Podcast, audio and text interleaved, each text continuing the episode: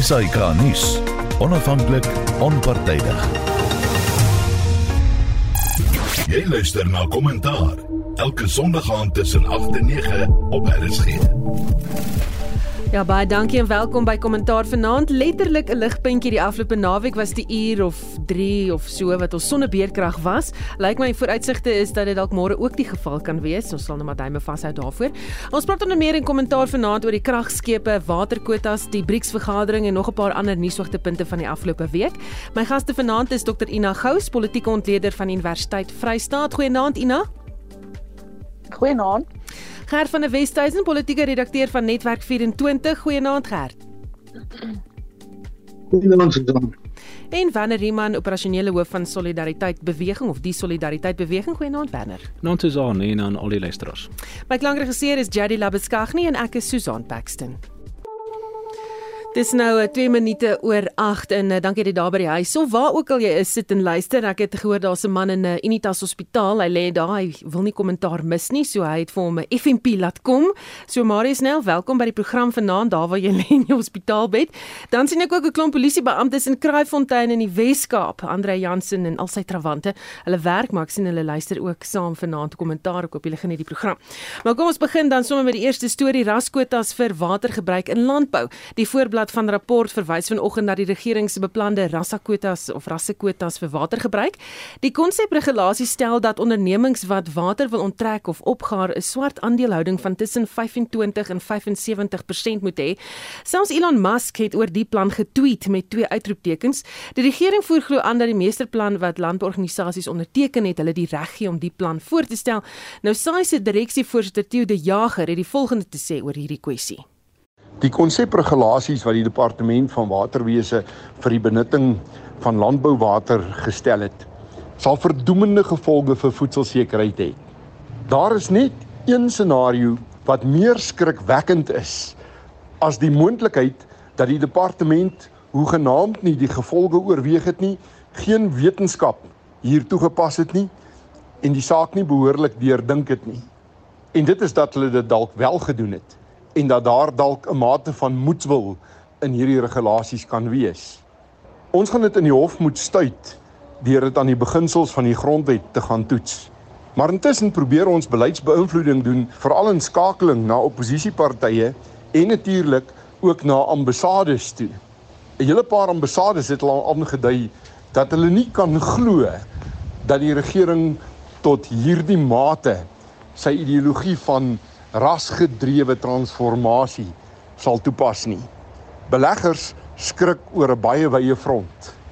Die implikasie is dat boere waarskynlik nie meer as so 25 tot 30 hektaar sal kan produseer nie. Mens kan nie baie vee aanhou met die water wat jy kan gebruik sonder dat jy 'n swart vernoot inkry nie. En omdat so 'n groot deel van ons landbouproduksie op gesinsboerdery berus. Vra boere tereg. Hoe pas jy swart ekonomiese bemagtigingsmaatreëls op 'n gesin toe? Toe die jager van Saiwe daar praat, hy beskryf dit as moetswillige wetgewing. Inak, ons begin by jou, wat's jou indrukke? Ja, kyk, die politieke situasie rondom hierdie ehm um, hierdie wetsontwerp kan 'n mens nie ignoreer ongelukkig nie. Ehm um, in die konteks van van wat die ANC homself bevind en die verdeeldheid wat daar is, die steen wat verloor word, die feit dat daar 'n jy weet 'n verkiesing op pad is, is iets wat ag geneem moet word. Ehm um, maar ek moet my verlaat op op wat kenners soos die die die die mense by SAI en Agri SA en Agbus en so van sê wat die gevolge gaan wees en ek dink dit is wat ons onder 'n groot gas moet plaas en dit is wat ons ehm um, hulle moet help die boodskap uitdra. Ehm um, enige beleid wat op die stadium uh, ekonomies ehm um, ek weet 'n uh, uh, sleg vir die land gaan wees wat enigstens gevolglik dat daar verdere verlies van werk van ehm um, inkomste van ehm um, ehm um, ek weet soos ek gesê het werk en en en en en en uh enige aspek van van voedsel ehm um, sekerheid ehm um, gaan beïnvloed um, moet verwerp word op die stadium. Uh, ons is nie in 'n situasie waar ons ekonomies sosio-ekonomies sterk genoeg is om hier so 'n tipe beleid te begin invoer invoer nie en en dis boonbehalwe die feit dat dit uh glad nie grondwetlik kan wees nie en dat dit gedoeteenvoudig onregverdig is. En ehm um, dit gaan definitief op die landbousektor en alles wat daarmee gepaard gaan. Ek meen ons is 'n baie geïntegreerde situasie wat dit wanneer dit kom by by landbou. Alles wat by die landbousektor betrokke is, gaan ehm um, geïmpakteer word en en dit kan net 'n uh, uh, uh, baie baie sleg wees vir vir die land en en en vir die sektor. Hmm. Gert Ja, uh, Susan, ek stem nogal saam met Ina. Jy weet ons nou alles wat nou gebeur met die mense maar sien in die lig van aanstaande jaar se verkiesing. Mense moet dit ook sien in die lig van die ANC wat net eenvoudig nie sy beloftes kan nakom nie. Hy maak baie beloftes. Hy neem elke keer by sy kongresse sekere besluite wat hy sê hy gaan deurvoer en dan doen hy dit nie en dan kom dit op oomblikke soos die af wat hy sien o, mag ons het nou niks gedoen. Nou moet ons weer plan maak. So hierdie hierdie uh, gaan vernietigende gevolge hê op op voedselsekerheid sê Agri SA byvoorbeeld ook, jy weet, ek sien dat nou net 'n berig op netwerk 24 ook daaroor verskyn. En dit gaan uh, jy weet as jy mens kyk na landbou, landbou is een van die mees produktiefste arbeid, ekonomiese sektore arbeid. Lyk vir my 'n probleem daar met Gert se lyn. Gert, jy nog daar? Ek is nog hier, so hoor jy my? Daar sê jy was nog besig om te praat oor produktiwiteit ja. en toe verdwyn jy.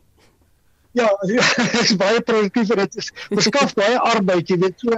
Om dan nog daai sektor van die ekonomie verder af te takel gaan nie baie help nie, jy weet. Ek dink regtig die regering moet baie mooi dink oor hierdie ding. Hoekom kan ons dit nie tussen onsself uit argumenteer nie tussen die regering en die boere en die landorganisasies? Nou moet ons alweer na die buiteland toe gaan om druk van buite af toe te pas. Jy weet wat 'n ongesonde situasie is, dink ek. Mm. Um gepraat van die buiteland wanneer het dit al enige ander plekke in die wêreld gebeur, gewerk, so gedoen gewees? Susan baie beslis en dis ongelukkig so dat ons land volg dieselfde patrone van mislukte state. Een land spesifiek is Venezuela. Venezuela het 'n akute akute waterkrisis. Hulle kan nie gesonde water vir hulle burgers gee nie. Buite in die landbou sit hulle met hulle baie ongesonde situasie. Daar's New York Times wat daar berig het wat uiteindelik geskryf het oor hoe diep die krisis strek. En as jy die berig lees, lyk dit merk vir merkie presies soos die situasie wat ons sien. Hulle praat van kragonderbrekings. Hulle praat van die inploffing van waterdienste en ons kan nie verstaan waarom sal die regering mislukte resepte aanhou laat aanhou volg nie. So dit sit ons in 'n baie moeilike posisie wat saai sê hulle gaan met hof toe gaan. Ehm um, ek hoor wat Gert sê. Gert sê hoekom kan ons nie om 'n tafel sit en hieroor praat nie? Die rede is dat die regering is nie bona fide rolspelers nie. Hulle is nie bona fide rolspelers nie. Ons het met soveel programme al gesien met onteiening sonder vergoeding ook waar Agri Suid-Afrika spesifiek in 'n gesprek met die regering was oor die kwessie van grondhervorming en vooruitgang met grondtransformasie en wat het uiteindelik gebeur? Daai insette was nie gehoor gaan gegee nie en hulle is besig om met hierdie wetgewing voort te stom. Dit maak mense baie frustrerend dat ons nie die rolspelers aan die ander kant van die tafel het nie. So daarom moet ons deur hof gaan so daarvoor op 'n horisontale vlak. Verskillende organisasies, boere, die burgerlike gemeenskap en ander organisasies gaan moet saamtrek om hierdie te staai. Ons het nie 'n ander keuse nie. Hmm. Ina, hoe gaan hierdie wetgewing opkomende boere help of selfs transformasie aanhelp? As ons ons nou net gesê het, as mens kyk na die uh, pogings tot um, transformasie en en en grondhervorming wat tot dusver aan jy weet uh, uh, uh, uh, probeer is en nie geslaag het nie. Kan ek nie sien hoe hierdie spesifieke uh, wetsontwerp dit gaan regkry nie. Ehm um, daar seker goed wat in plek moet wees. Ehm um, en wat net dood eenvoudig nie is nie. Die ondersteuning is steeds nie daar nie. Die ehm um, uh, uh die, die opleiding is steeds nie daar nie. Die samewerking en die vennootskappe wat daar moet wees is steeds nie daar nie. So ehm um, om bloot uh, jy weet uh, dit te forceer dink ek gaan net mooi die teenoorgestelde uitwerking hê en soos ons gesê het alreeds genoem het die die impak op op op werksgeleenthede op op voedselverlies en en dis meer so ek dink nie op 'n lange duur gaan dit noodwendig opkomende boere help Hmm. Gerd ander sektore soos mynbou word nie deur geraak nie. Is dit nie juis hulle wat eerder 'n beperking moet hê nie? Kyk, ek sien volgens een berig gebruik boere tot 60% van water in die land wat wat hulle nogal groot verbruikers van water maak. Mense kan dit verstaan, jy weet, want daar is soveel gebiede water nodig by boere. Maar jy weet, ehm um, dit maak nie saak hoe ons dit gaan toepas nie. Mense voel altyd iets wat so afgedwing word, kan nie nooit 'n goeie uiteinde hê nie. Jy weet, ek kry die boere eintlik baie jammer. Jy weet, daar's geen beleidsekerheid by hulle nie. Hulle voel hulle word deur misdaad geteken. Die onteiening sonder vergoedingsding skep baie onsekerheid. Jy weet, die regering het misluk met grond om te hervorm. Nou probeer hy die skuld na almal anders toeskuif. Dit maak dit 'n baie moeilike wêreld vir boere en om hulle uh, om te opereer en om kos te produseer en, en, en voedselsekerheid is een van ons grootste probleme. Dis juist een van die redes wat die regering aanvoer hoekom hy uh, vrede wil bewerkstellig tussen Rusland en Oekraïne want hy sê daai konflik het 'n invloed op voedselsekerheid in Afrika en dit maak hulle baie bekommerd. Nou as dit hulle baie bekommerd maak, weet ek hoekom nie hoekom hierdie goed hulle nie bekommerd maak nie. Dan laat dit mense kan nie verstaan dat mense al ander motiewe daaraan koppel. Hm. Um, ek Werner Gert het nou-nou daarvan gepraat dat gesien met die verkiesing in gedagte hou. John Steenhuis Steenhuisen van die DA sê dat die ANC rasse hm, ons probeer weer rasse diskriminasie wil toepas op 'n ongekende skaal. Is dit wat ons hier sien gebeur? Is hierdie verkiesingsfoefie? Ek dink hierdie het beslis te maak met die verkiesing. Ons sien 'n ANC wat meer toenemend in die knyp is en wat doen hulle? Hulle verhard in beleide wat nie werk nie en dis op verskeie fronte. Dit is nie net die nasionale gesondheidsversekering, ons sien dit in die beroepsektore wat wat die minister van arbeid nou die dag aangekondig het. Ons sien dit met die gesondheidsversekering wat ons miskien later ons sal raak, dieselfde patrone op op beleide en programme wat verrykende gevolge gaan hê. En wat is dit wat hulle wil wys? Die ANC het elke 5 jaar hulle kongres. Elke 5 jaar as daar hierdie beloftes, al hierdie beloftes gaan rondom hierdie groot sektore. Hulle sê dit 'n uh, pront uit. Uh, weet die Montashe het altyd gereeld. Mens sien dit in hulle dokumente genaamd Strategy and Tactics. Ons met die levers of power, ons met die staatsinvloed moet ons vergroot. Ons mag dit nie verloor nie. So wat kry hulle? Hulle sien 'n onsekerheid. Hulle sien 'n verbrokkeling hier van mag. So wat doen hulle? Hulle doen om mag nog meer stywer en stywer vas te hou. So dit het baie beslis te maak met die verkiesing ook en ek dink ook hulle het nie meer opsies nie. Wat doen hulle? Hulle kan nie in 'n ander rigting gaan nie. Daar's nie ruimte meer oor om in die privatisering. Hulle het geen politieke kapitaal om in daai rigting te gaan nie. So al wat hulle kan doen is om die eenheid van die ANC te hou. Ramaphosa het van sy begin af gesê sy taak is om die ANC eers te verenig en dan volg die res. So as hierdie die ANC kan verenig, dan gaan hy dit volg ongeag die gevolge wat vir die land is en dit is baie onrusbarend om te weet. Hmm. Kom ons gaan na die volgende tema toe. BRICS lidlande het die groep se bank gevra hoe 'n gedeelde geldeenheid kan werk om hulle sodoende teen sanksies te kan beskerm. Die groep het die afgelope week in Suid-Afrika vergader om groter wêreldwye invloed te kan hê en um, lande soos Amerika te kan uitdaag glo. Paar jaar gelede sou so iets nie denkbaar gewees het nie, maar nou hier is dit, Ina. Ja, ek die is dit, maar dit bly by gesprekvoering. Ehm um, soos wat dit vir my lyk. Like. En ehm um, jy weet daar's 'n uh, uh, uh, geleide wat gemaak word wat wat mekaar weerspreek wat dit aanbetref. Aan die een kant is daar soos jy gesê het hierdie hierdie ehm um, uh, hierdie geldeenhede waar hulle praat, maar op die ou ende waar daar weer gesê nee, al wat bespreek is is dat ons in jy weet uh, vir elke land in die land se se se se se geldeenheid wil besigheid doen en jy weet dit dit bespreek mekaar om die om om die waarheid te sê.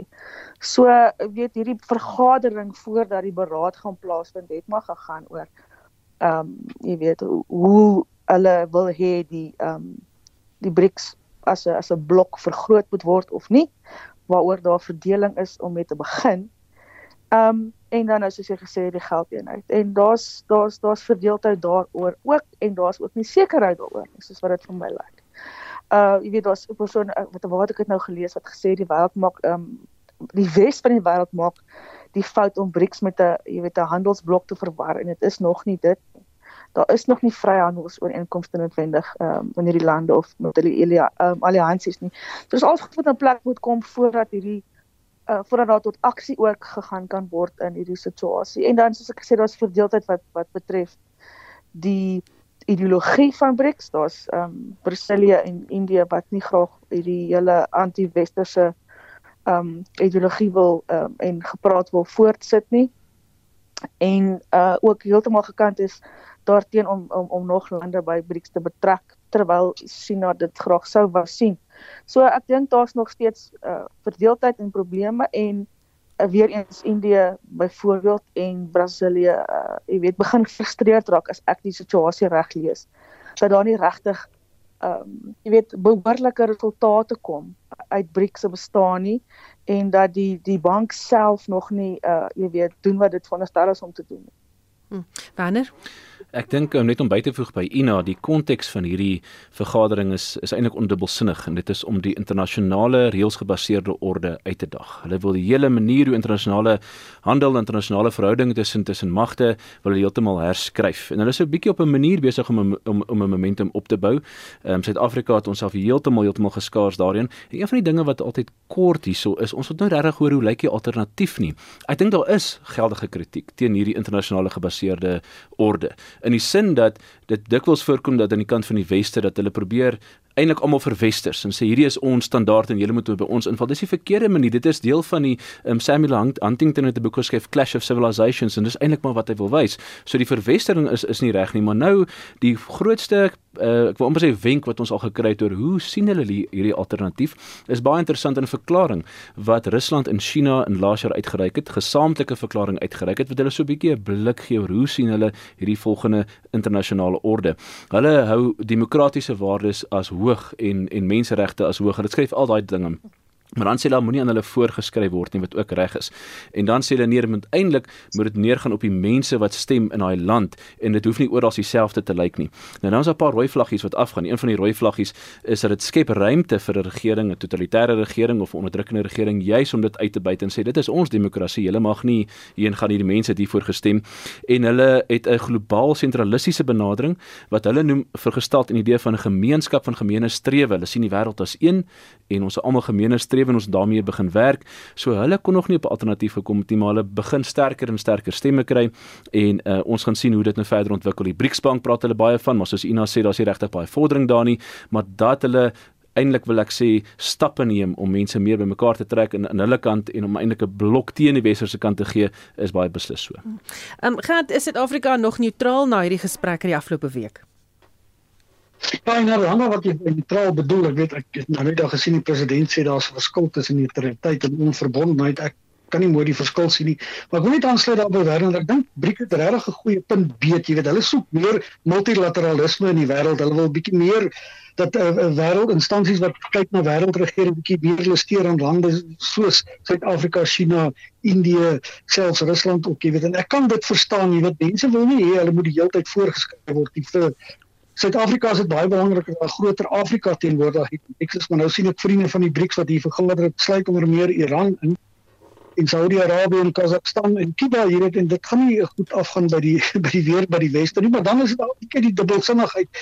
Wie BRICS wil hierdie leier wees in die wêreld, maar dan klaar na lê die Pandora het Vrydag gekla omdat die weste nie hulle beloftes nakom of die ontwikkelde lande nie hulle beloftes nakom en die arm lande help, die globale suide help nie.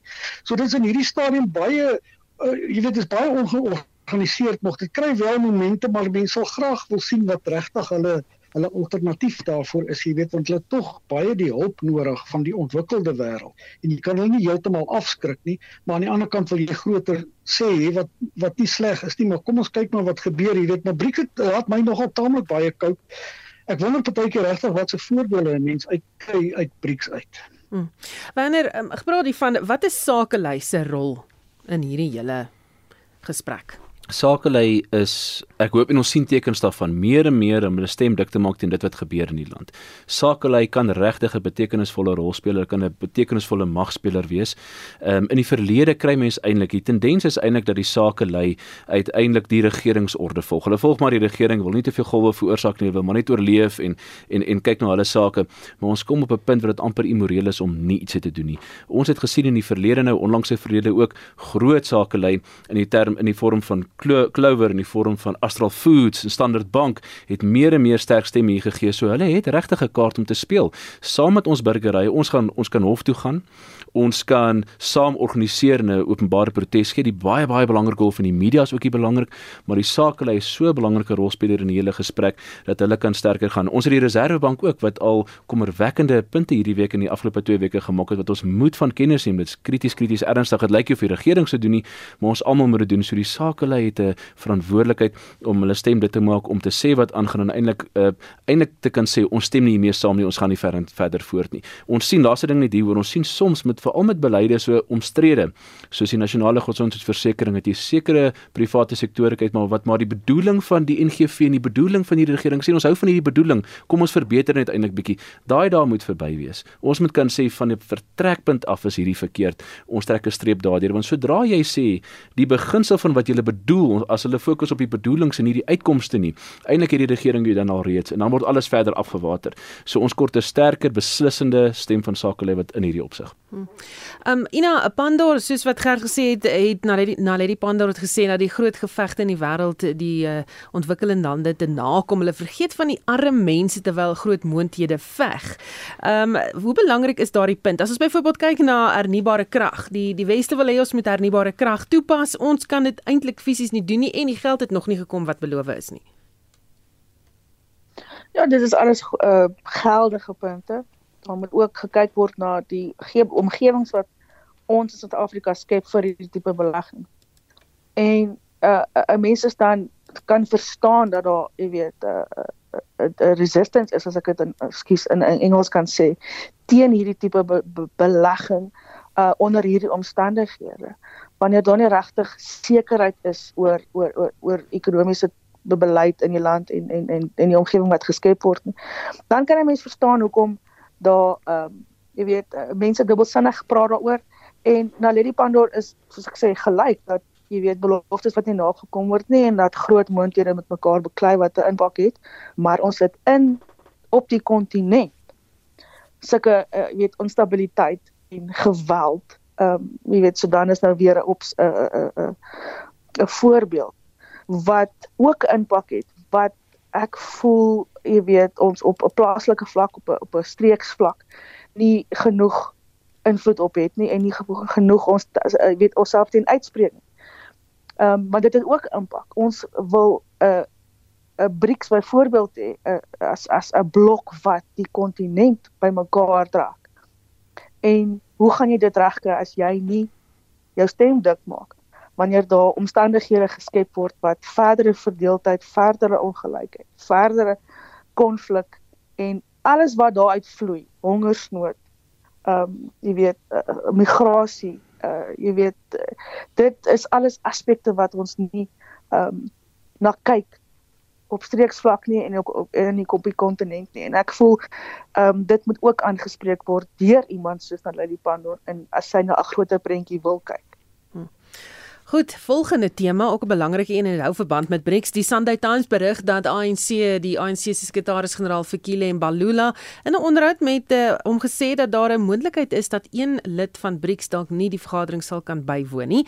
Hy het verder gesê dat Rusland nie verkleineerd moet voel as die uitnodiging na president Vladimir Putin dalk teruggetrek word nie. Dis nou 'n aanloop tot die regering se besluit oor wat om te maak sou Putin wel die BRICS-beraad bywoon. Gert, wat sien ons hier gebeur? Ehm um, ja, Susan, ek sien die Sunday Times se berig sê dis dalk 'n manier waarop vir Mbalula die mense van Suid-Afrika voorberei daarop dat die uitnodiging aan Putin om dit by te woon die BRICS-beraad teruggetrek gaan word. Omdat die situasie nou vir Suid-Afrika redelik bepaal word ek sien daar's mense in die ANC volgens die Sunday Times berig wat sê nee dit sal nooit gebeur nie Putin sal kom.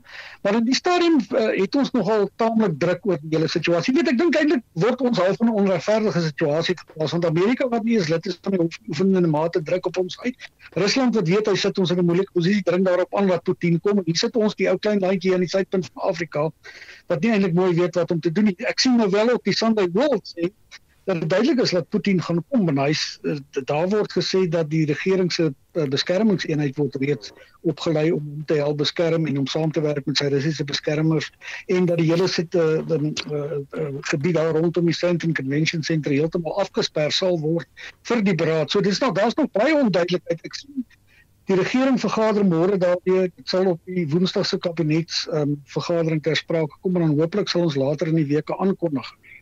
Hm. Uh, wanneer wat is ons opsies hier? En in die een kant Gert sê dis onregverdig teenoor ons en in 'n in 'n dit is eintlik nê nee, want as die hof hierdie Jy weet, lasbrief uitreik. Hoekom het hy nie polisielede wat dit kom toepas hier in Suid-Afrika of in 'n land waar dit nou moet gebeur nie? Nee, ewe skielik sien ons self ons weer in die kookpot. Ewe skielik uh so in die in die drukpot eerder. En uh wat kan ons nou eintlik doen? Ehm um, vir Kilian Balula het vreeslik sterk uitgekom. Altyd welkom en ons weet alles wat hy gesê het en en, en nou begin hy bietjie versag en uh hoe moet ons daaroor hoe hoe moet ons daarna kyk? Ek dink uiteindelik ons opsies is is nou min want uh ons kan nie meer die neutrale posisie wat ons sê kan ons handhaaf nie. Ek dink hulle gaan nie daar's nie 'n manier wat hulle potensiaal potensiaal arresteer hierso nie en ons het die president reeds geskep in 2015. Dis onregverdig die druk wat die buiteland in die FSA op hom sit of op die eerder eerder internasionale straf op op ons plaas. Maar die punt is ons moet plaaslik beleidsekerheid kry oor hoe ons hierdie dinge nader. So nou gebeur dinge dan moet die regering en uh, die aksionêr eintlik hierna kyk en wat kry jy? Ons het eintlik 'n vorm van uiterse uiterse swak swak diplomatie aan die kant van die regering. Hulle kan nie ons belange beskerm nie. En as ons gevolg van beleid onsekerheid dat hulle nie idee het hoe om hierdie te gaan nie. Ek wil net ook noem, ons is nog nooit 'n vyand van die FSA gewees uit Afrika nie. Ons kan dit nie bekostig om 'n vyand van die FSA te word nie. Hulle vry na ons vir baie lank. Hulle is baie toegeeflik met ons met hul goeie ooreenkomste en die res en ons kan nie in die vyandkant wees maar op die oomblik is ons besig om dit te doen en die opsies is baie min. Uh ook net Rusland se kant. Rusland het gesê in 'n verklaring nog nie gesê Putin kom nie, maar hulle het ook ons so in die duister gelaat om te sê ou uh, die gepaste hoë vlak afvaardiging sal daar wees. So dit kan Putin insluit of nie of miskien moet dit Putin insluit. Maar waarskynlik gaan hy kom. Ons gaan hom nie ons gaan hom nie arresteer nie, maar ek dink hulle skarrel nog heeltemal. So die oomblik die die opsies is bitter bitter min. Hmm. En nou wat sal hulle besluit hier beïnvloed? Uh, sê weer? Wat sal hulle besluit hier beïnvloed die ANC se? Ek dink dis die hele punt hulle weet self nie. En uh, ek ek hoop dit is wat wat Werner ook probeer sê hierso want weet as jy dink oor las opmerkings um, sê dat die lasbrief uitgereik is. Ehm um, jy weet dit ry omtrent wipplank soos Eskom se persverklaringe. Dit dit is maar weer 'n blootstelling vir my van die chaos verdeeldheid wanorde wat heers in die party en dan as gevolg daarvan in in ons land se jy weet uh, diplomatieke benaderings tot hierdie goed. Want eers is daar totale verset in die lasbrief en sal Putin met oop arms ontvang word en dan moet daar nou weer gekyk word na die alternatiewe ligging vir die beraad in lande wat nie die Romeinse statuut onderteken het nie. En weet jy die ANC het blykbaar met opdrag gegee dat kaders wat ontplooi is in die regering nou na alternatiewe moet kyk.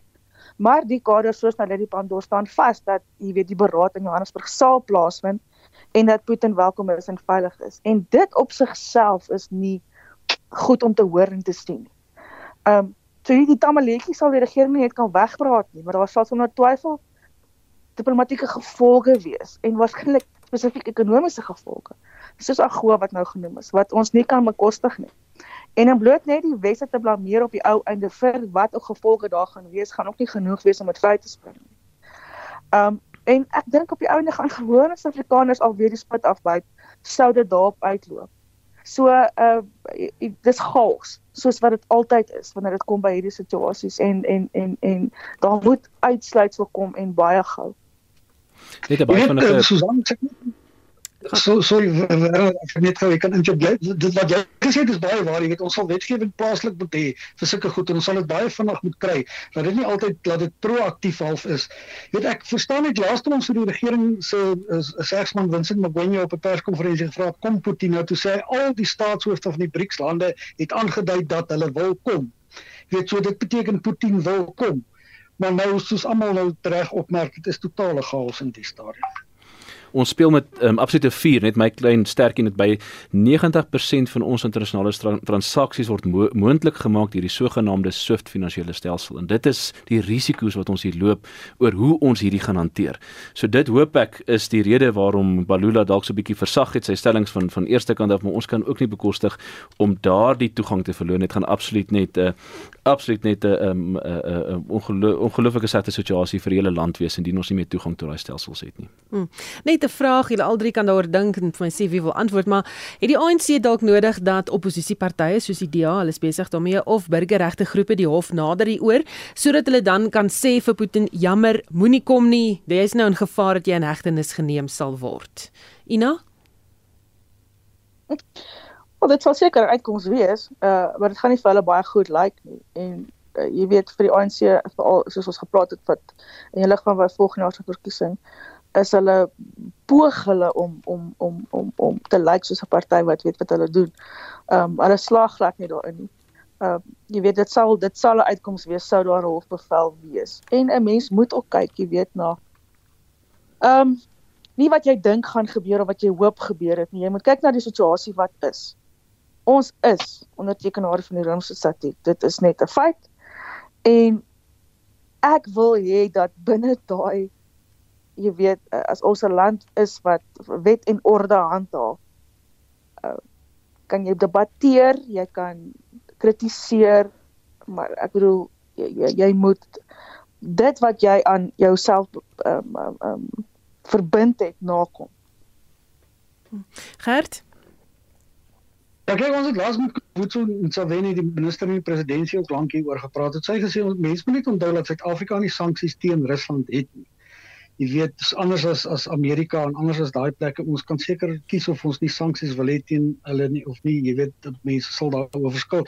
Aan die ander kant verstaan ek ook nogal taamlik die regering se punt. Jy weet dat dat dat daar nie um, dat daar ongelykheid is met hoe die goed internasionaal toegepas word. Onthou ons bande met Amerika, maar kyk wat Amerika al gedoen het. Hoeveel oorloë het hulle nie al begin met die Irak-oorlog is op 'n leem begin dit die hele omgewing daar gedestabiliseer het. Geweldig baie probleme in die wêreld gelei.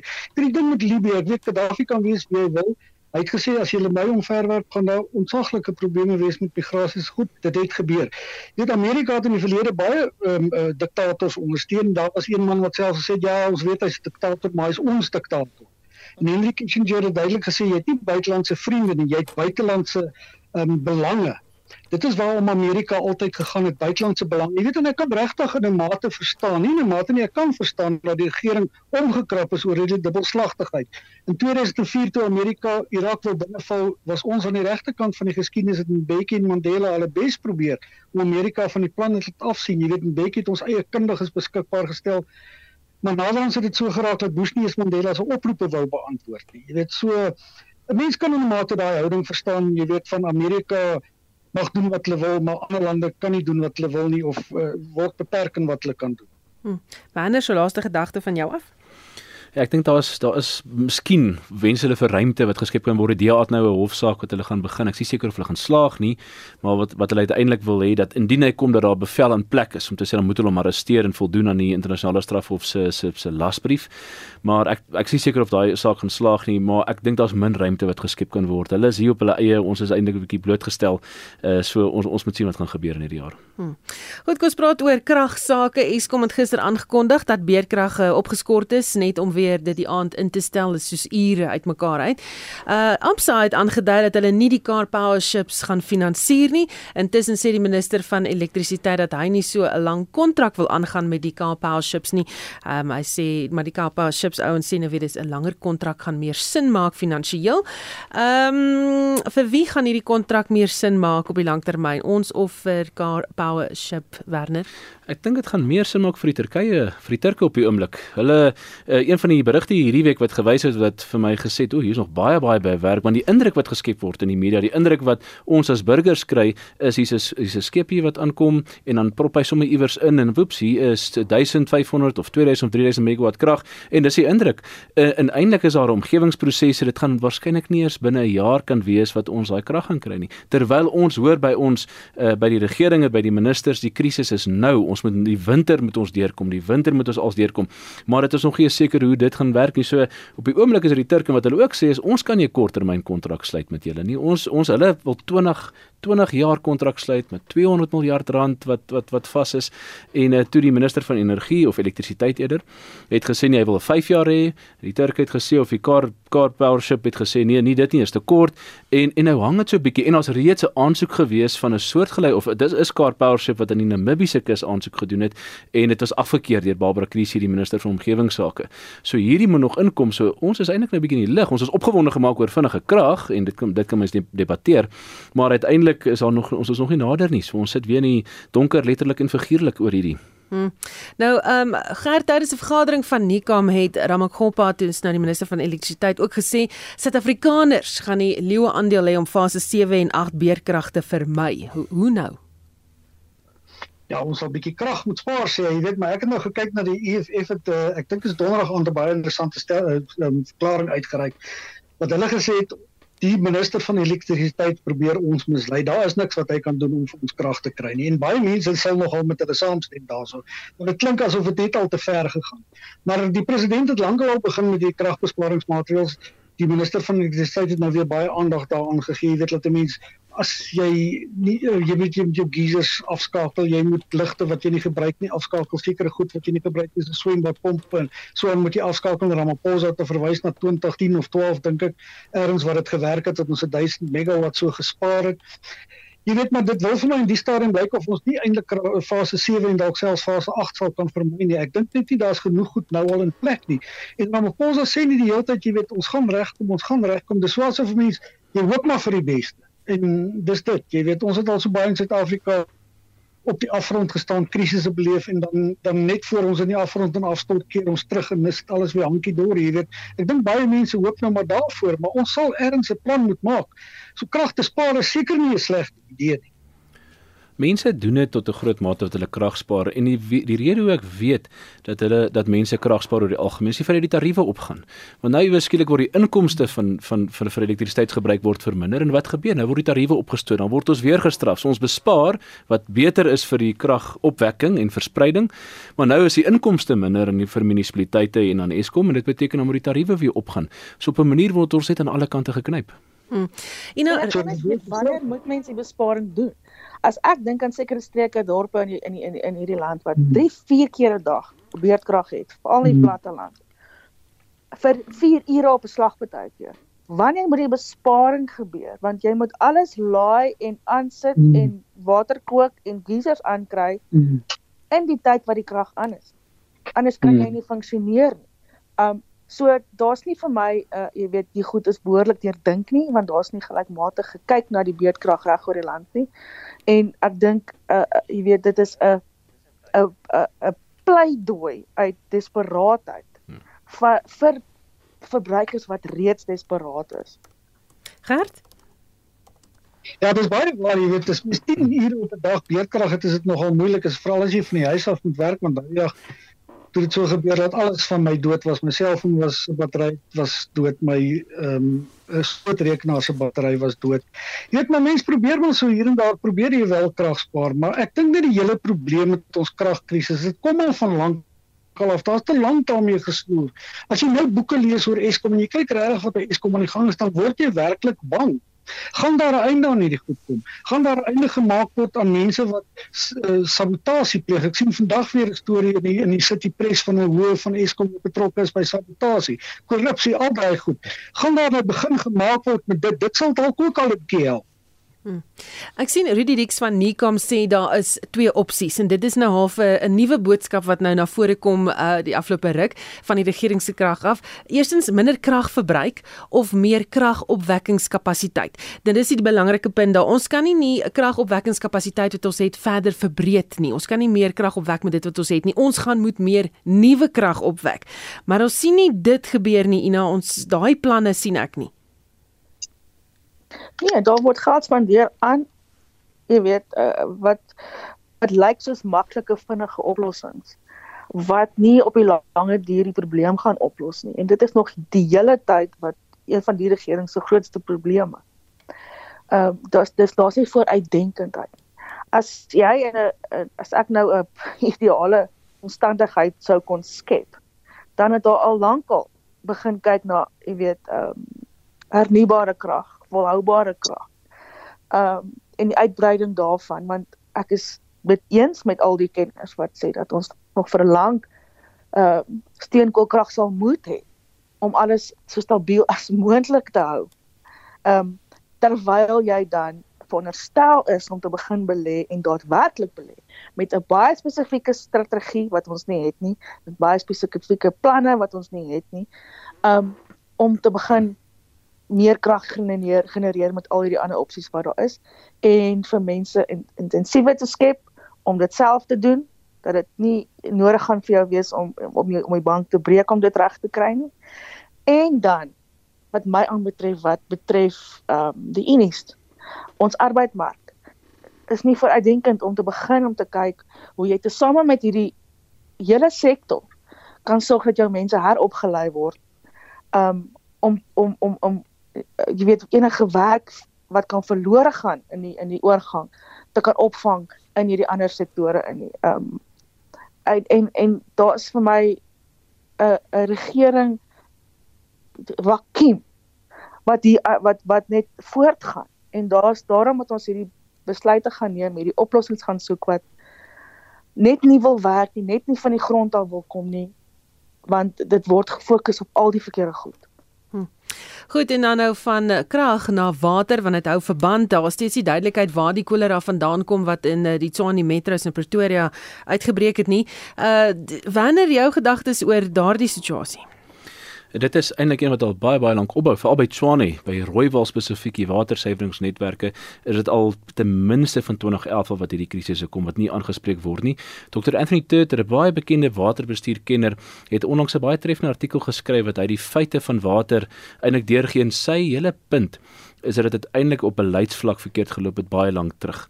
En hy sê ons het eintlik ons het eintlik uit water uitgehardloop. Sy woorde in 2002 toe ons uh, aangekondig het as ek sê ons bedoel die regering dat 98% van die waterbeskikbaarheid alreeds toegeken is. Ons het omtrent 5 miljard liter uh, riool daagliks wat ons wat ons gebruik 10% alleenlik 10% word op die regte standaarde gedoen.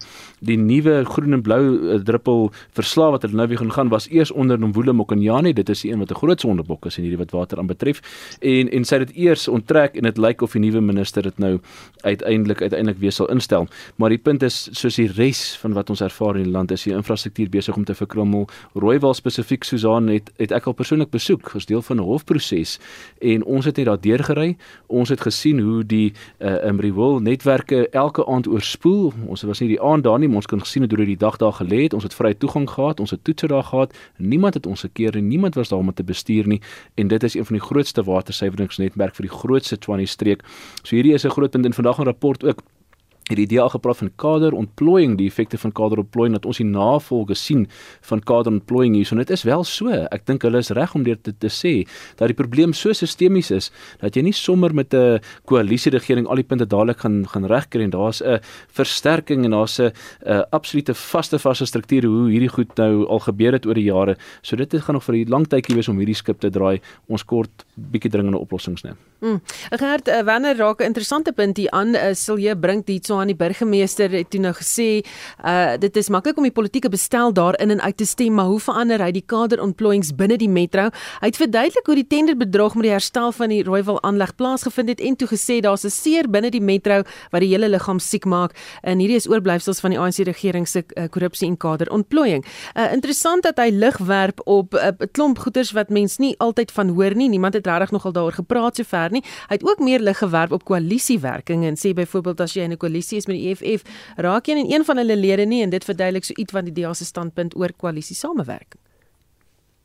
Ja, om um, terug te keer na die eerste punt, Susan, ek dink ANC het baie ehm um, werkverskaffing gebruik as politieke uh, geskenke om dit nou maar so te stel by gebrek aan 'n beter woord. Jy weet die, die mense wat aangestel is as ANC mense noem hulle nou maar kaders oral in die munisipale administrasie. So hulle is baie verhandig gesin teenoor 'n nuwe DA regering. Dis 'n groot probleem wat jy het. Dis baie moeilik om daai probleem um, op te los. Jy weet Celie het gesê hy gaan dit en dat doen. Hulle gaan nou mense aanstel in topposte en hulle gaan kyk na korrupsie om daai mense uit te roei. Jy weet en hy het ook genoem in, of iemand anders het dit genoem toe hulle hulle in Kaapstad oorgeneem het vroeg in die 2000s. Was daai kultuur nog nie so gevestig, daai kultuur van korrupsie in die amptenary was nog nie so gevestig soos dit nou in Tshwane byvoorbeeld is nie en ek kan dink in Johannesburg ook is nie. So dit skep geweldige probleme vir 'n nuwe regering. As dit op nasionale vlak gaan gebeur, gaan jy dieselfde teenstand kry, nee. Jy gaan dieselfde teenstand kry van mense wat hulle poste te dank aan die ANC het wat vyandig gesind teenoor 'n nuwe regering gaan wees. So dit is 'n John Steenhuisen uh, meen byvoorbeeld dit behoort maklik opgelos te word. Jy sal net nuwe wetgewing aanvaar en so en so aan. Maar ek het my twyfel of dit so maklik opgelos gaan word. Jy weet en om na die koalisies te kyk, ja, dit is baie interessant hier en soos daar word die hele tyd daaroor beklei en die EFF word nou deur die DA beskou as 'n nie betroubare uh, koalisie. Hulle voel dieselfde vir die Patriotic Alliance wat in Johannesburg van kant verander het en die regering toe verander het. Ek dink die hele probleem met koalisies daar moet 'n steun drempel wees vir partye om verteenwoordigers na die raad toe te stuur dat 'n klein party ek weet die uit uh, Patriotic Alliance in Johannesburg het 3% van die steun gehad. Hulle dring aan op 'n burgemeester en twee burgemeestersraadslede. Ek kan ek dink net nie jy moet wat 'n klein party met so min steun jou die die sterftes wat die hond rond so dan moet wetgewing net bepaal 5% dan kry jy 'n uh, raadslid 1% dan kry jy laaste raadslid. Dit sal daai fragmentasie van die koalisiepartye minder maak. Dit sal 'n fragmentering minder maak. Dan gaan jy stewige koalisies kry. Jy weet, soos in Nelson Mandela Bay was daar 'n stadium 10 koalisiepartye. Dis net heeltemal te veel. Hmm. Know, jou gevoel oor hierdie brokkie inligting wat so half nou deurskemer en wat dit beteken vir koalisies? Ja, dit dit dit is dit is deel van die gesprek oor koalisies nog van die begin af wat wat die geweldige onstabiliteit wat veroorsaak dat daar nie behoorlik regeer kan word en uh, jy weet die situasie in Tswana in Tswana en Rooiwal en, en is 'n uh, baie goeie voorbeeld daarvan. Ehm um, jy weet hierdie probleem is natuurlik baie lank aan die gang soos wanneer gesê het wat nie aangespreek is nie. En ja, ook onder 'n uh, DA Tswana regering was dit 'n probleem wat nie behoorlik aangespreek is nie. Ek dink ehm um, wie is dit Karen Bosman het 'n baie goeie uh sogenaamde thread daaroor geskryf op Twitter as mense dit net weer wil gaan kyk van waar daai probleem nou al vandaan kom en sy's natuurlik ook 'n groot kenner op op, op regeerkunde spesifiek wat water aanbetref en en en hoe dit nie opgelos word nie die faalstelsel is ook 'n goeie voorbeeld um, wat alles wat binne daai stelsel moet werk net nie gewerk het nie die die rehole die watersuiwering alles wat moet maak dat jy die ou net die kraan oopdraai en skoon water kry, het ineengestort. En nou is dit met 'n krisis waar sekere mense die situasie uitbuit as ehm um, tenders gegee vir mense met watertanks wat ter duisende rande betaal word om ook nie noodwendig goeie skoon water aan daai mense te lewer nie en hulle wil graag hulle hulle kontrakte behou. So dis vir hulle baie goeie chaos wat daar aangaan en wat nie noodwendig wil hê die situasie moet verbeter nie en daarom kry ons uh, jy weet 'n uh, 'n uh, uh, situasies waar daar sabotasie is en dis meer. So daar's baie goed wat mekaar moet kom om te wat moet regkom om te sorg dat dat dat mense weer gesond is en om om te dink in in 'n land soos Suid-Afrika waar al die moontlikhede daar is waar die ekspertise wel daar is. Mense doodgaan van kolera is iets verskrikliks om om om om is 'n ongelooflike werklikheid. Hm. Goed, gepraat van gesondheid. Die portefeulje komitee oor gesondheid het besluit om voort te gaan met die nasionale gesondheidsversekering of NGV wetsontwerp ten spyte van teenkanting teen hierdie wetgewing. Die wetgewing het ten doel om gesondheidsorg toeganklik te maak vir almal. Wanneer dis 'n rein idee.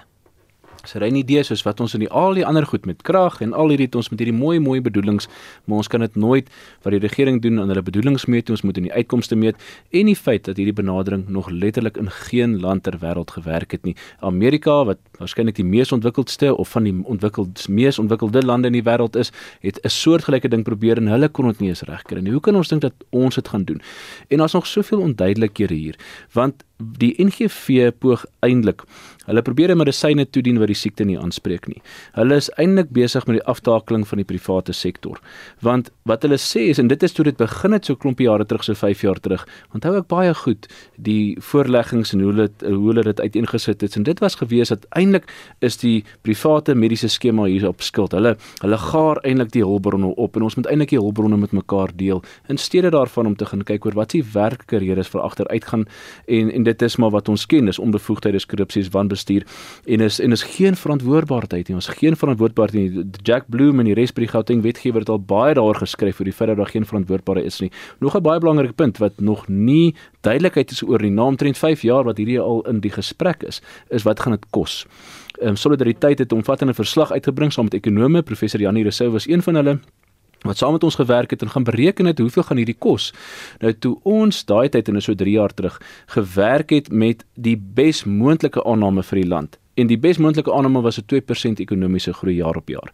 Dan sou dit omtrent 230 miljard rand, 2300 uh, um, miljoen rand uh um gekos het. En uiteindelik het ons uh uh gehad dat dat ons het nie die 2% groei gehad nie. So nou is die nuutste berekeninge 500 miljard rand, maar nog steeds vandag weet ons nog nie, nie hoeveel dit gaan kos nie. So hierdie kan net een rigting gaan en dit is baie baie sleg vir die land. Hmm. Gert, jou gevoel oor hierdie uh NGV? Ek soos ons gesê het, julle gesê dan in die begin 'n baie edele idee. 'n Mens het uh goeie gesondheidsorg nodig vir almal, maar ek het nou net wiskunde tot 'n start 8 gehad en wat Werner nou genoem het klink vir my skrikkelik. Jy weet dit, dit gaan te veel geld kos wat ons nie het nie. Ons het net nie daai geld nie. En dan ons groot groot probleem is ons openbare gesondheidsorg is pateties. Jy weet professor Malagapuru Makgoba het uh, verlede week sy tyd uh, dienstydperk klaar gemaak as um, die gesondheidsaanbod. Hy sê jy weet die Oos-Kaap en en en en Gauteng het van die swakste gesondheidsdepartemente in die land. Hy sê Eskom en die departement departement van gesondheid in Gauteng het presies dieselfde probleme. Daar is geen leierskap, geen kapasiteit, geen visie nie en die personeel verander die hele tyd. Hy sê hulle verander personeel soos onderbroeke. Dis hoekom hospitale in mekaar stort. Ons het gesien in die Ooskaap word dit al daar gaan. Hy sê die die die die departement van gesondheid in die Ooskaap is eintlik 'n verleentheid. Hoe gaan jy so 'n gesofistikeerde stelsel bestuur as dinge so gaan? Ek dink vir die regering is dit belangrik in die eerste plek om te kyk dat openbare gesondheid eers net ten minste op 'n sekere vlak is waar dit half werk. Jy weet wanneer dit werk nou omtrent glad. Hmm. Uh, Ina, ons gesondheidsorgdienste vir al staatsinstellings is chaoties en uh, privaat mediese sorg raak al duurder. Iets sal gedoen moet word in albei gevalle. Beter regering met met uh, met met met uh, belastingbetalers se geld. Uh spesifiek wat dan gesondheid aanbetref. En weer verlaat ek my op die persone wat in hierdie professie staan en hulle opinie daarvan. Ehm um, byvoorbeeld die die die die uh, woordvoerders van SAMA byvoorbeeld wat sê, luister, hulle kan nie dink dat uh, die regering se vermoë om 'n begroting van meer as 500 miljard rand, dis nou meer. doeltreffend te bestuur kan hulle uh, weet kan ernstige knou kry veral weens die wanbestuur van as ons net na COVID kyk om mee te begin en dan die algemene wanbestuur wat daar bestaan in in in in ons openbare jy weet gesondheidsdienste. En as jy uh kyk na wat die uh, wat dis dit? Die Health Funders Association spesifiek wat nou op die mediese skemas um op werk en hulle wat is 'n geweldige groot probleme want hulle sê dat op die ou einde gaan jy net dienste wat nie deur die um, NGV gegee word nie um dan nou by die privaat uh, jy weet uh, mediese skemas kan kry gaan jy weet 'n geweldige impak hê ekonomies op op die gesondheidsdienste ensovoorts en op die kwaliteit van gesondheidsdienste. So mense moet mense veronderstel om 'n regering te hê wat luister na hierdie experts en wat in ag neem boonbehalwe enige politieke oorweging van wat die beste is vir die mense in hierdie land en vir die hele stelsel en ons het nie 'n regering wat dit doen nie. So daarom kry jy hierdie pie in the sky um beleid wat skade berokken nog voor dit uh, in werking gestel het. Wanneer sou laaste gedagte vir jou? Ehm um, Susan, ek dink uh, dit gaan ook iets wees wat in die hof is waar die proses nou tans is. Is dit goedgekeur deur die komitee, die portefeulje komitee? Waartoe gaan dit nou? Nou gaan dit na die parlement toe. Daar's 'n ANC meerderheid, so ons kan aanvaar dat daai wetsontwerp aanvaar gaan word deur die parlement af van weer die ANC se meerderheid. Die volgende stap dan gaan dit na nasionale raad van provinsies toe waar dit ook aanvaar sal word want daar's 'n ANC meerderheid en hulle mag kies om openbare proses provinsiaal te laat doen. Ons twyfel of hulle gaan. En dit beteken dat as hy deur die parlement is, kan hy uitgedaag word in die hof hierdie gaan nog 'n hofsaak wees om te wys dit is irrasioneel. Die oogmerk, wat ons almal sê die bedoelings is altyd mooi en edel, die oogmerk hou nie verband met die middel of die wyse om daai oogmerk te bekom nie. Dit is irrasioneel en ons moet hoop dat die howe dit ook so sal sien. So hier kom nog 'n hofgeveg en dit gaan nie anders kan nie. Dit is 'n groot geveg en, en ons moet dit doen vir die dokters, ons moet doen vir ons as pasiënte wat dokters moet gaan sien. So dit is nog 'n baie baie belangrike stryd wat voor lê en en mense moet uitkyk daarvoor. Hmm. So laaste storieetjie waarna ek wil kyk vir ons groet uh, eh, 51000 rand per dag gaan dit die belastingbetaler kos as advokaat Dalium Polfu voortgaan om advokaat Bosisiwe Mqobane te verteenwoordig in die parlementêre ondersoek. Daar is nog 22 dae oor van hierdie ondersoek. Gerd haar totale koste per dag beloop 102000 rand. Ja, dis ook iets wat ons regtig nie kan bekostig nie. Jy weet die kantoor van die openbare beskerming nou die dag erns 4 miljoen rand bymekaar geskraap. Jy weet dis geld wat baie beter kan gebruik. Daar's baie ondersoeke wat die openbare beskermer kan doen met daai geld. Jy weet Dalim Pofort nou dink hy sy prys opgeskuif van 45000 rand per dag na 51000 rand per dag. Dit is ek wens ek kan eendag so werker wat ek so baie geld het vir eendag. Dit sal lekker wees. Ehm um, ja, nee, dit is nie vlei. Hierdie ding is net baie onverkwikkelik. Dit duur net voort en voort en voort en daar's net geen einde nie. Weet, ons het 'n baie goeie regstelsel, maar dit daar ongelukkig misbruik mense dit. Jy weet in, in Jacob Zuma is een van die mense wat dit misbruik. Eendag het Gerrie al een keer vir my gesê gaan my nie meer opsies oor hê nie, maar ek weet nie wanneer hy dag gaan kom nie, maar dis soos nou met die openbare beskerming. Dit gaan net aan en aan en aan en ons arme belastingbetalers moet net betaal en betaal. Ehm um, Gert sê nou hierdie, jy weet ons het 'n baie goeie regstelsel wanneer maar hierdie is nie 'n 'n hofsaak nie. Hierdie is 'n parlementêre ondersoek. Hoekom dan hierdie regshoek daarin? Ja, dit is nie dit is nie hofsaak nie, eh, maar die komitee sal wil wys dat hulle in al die vereistes en moontlikhede van billike prosedurele prosedurele billikheid nagekom het om seker te maak al die kante is gehoor juis om te verhoed dat daar dalk 'n hof uitdaging sal kom sodat hulle kan dui dat hulle regverdige kans vir haar gegee het dat sy behoorlik verteenwoordig was want as hulle dit nie doen nie kan mense op 'n prosespunt hierdie hele proses dan maak dit nie saak die inhoud van wat bespreek was nie dan maak dit net saak of hulle proses behoorlik gevolg het kan deur die hof uitgedaag word. Maar ons moet nie vergeet nie Gert het 'n belangrike ding gesê en dit is dat hierdie komitee om in gedagte te hou is saamgestel op 7 April 2021 is meer as 2 jaar terug wat hierdie komitee ons is nog steeds hier. Sy misbruik die regsproses en ons sien ook 'n baie swak vertoning van haar advokaat Dalie Mpofu wat nie 'n goeie goeie voorbeeld is vir regslei wat nie die regsberoep 'n goeie goeie naam gee nie want is die gemorsgoed wat heeltyd daar gesê word dit is swak argumente wat gemaak word met die doel om uit te stel. Dis die modus operandi. So die regstelsel word hier misbruik en en dit is maar hoe die dinge nou hier is en en sy gaan dieselfde paadjie stap as as Azuma uiteindelik en iewers moet daar streep in die sand getrek word. Die voorsitter van die komitee het wel al sy stem so bietjie meer dik gemaak, het wel hulle streep in die sand getrek. So iewers te gaan hulle moet ophou uh uh probeer haar ak akkommodeer en tegemoetkom. Sy het 'n baie swak onderhoud op op die SABC hierdie week gehad wat sy probeer haar posisie verduidelik wat mense nie kan verstaan wat's eintlik die kern van haar saak nie. Sy is heeltyd geviktimiseer en almal viktimiseer haar en uiteindelik uh bevorder die proses nie. So die vinnigste manier gaan wees die komitee voorsteur moet 'n lyn trek en sê die vereistes van prosedurele billikheid is nagekom. Ons gaan die bevindinge publiseer en selfs as hulle dit doen, kan ons verwag dat sy dit op hersiening gaan neem. So dit is 'n netelige situasie hierdie. Ina, laaste gedagte hieroor van jou kant af? Ja, dit sou my punt gewees. Ek dink hoewel die regsproses wat misbruik word, word ons parlementêre proses uh, misbruik en ek dink die die voorsitter tot dusver het dit toegelaat. Um as 'n uh, jy weet al al wil hulle graag al die boksies tik uh, om seker te maak dat daar nie 'n uh, uh, jy weet uh, ersiening gaan wees nie, kan 'n mens aanvaar daar gaan. So trek die streep dat die volgende stap kan plaasvind sodat ons agter aan die ander kant van hierdie situasie kan kom. Uh want ek is amper vir haar in hierdie situasie so moeg soos vir Donald Trump en julle dit dit is baie moeg. Gert laaste gedagte van jou af. Ja, kyk ek dink dit is baie waar wat wat die ander twee deel en ons sê dit in die hele tyd kom ons eintlik by die punt uit nie. Dit gaan oor haar onbevoegdheid om haar werk te doen. Jy weet as jy kyk na haar jong wat ek dink 'n baie baie skitterende eh, persoon is. Maar nou sit ons die hele tyd, ons kom nie by die punt uit nie. Dit is die hele tyd hierdie ons moet dit nou uitstel en dis verkeerd nie mense wat ons wil probeer omkoop jy weet en dit gaan net aan en aan en aan en ek wens dit ons kan regtig nou by 'n punt uitkom hierdie goed moet korter afgehandel word uh, jy weet daar daar moet ernstig streep getrek word regtig Hm. Ons sê laaste woord was daar aan eh, Gert van der Westhuizen, hy is die politieke redakteur van Netwerk 24. Jy het ook geluister na Dr Ina Gous, politieke ontleder van die Universiteit Vrystaat en Werner Himan, operasionele hoof van die Solidariteit Beweging was hier in die ateljee. Baie dankie dat jy saam geluister het daar vanaand. My klankregisseur Jady Labetskagni, my naam is Susan Paxton. Bly geskakel op RSG.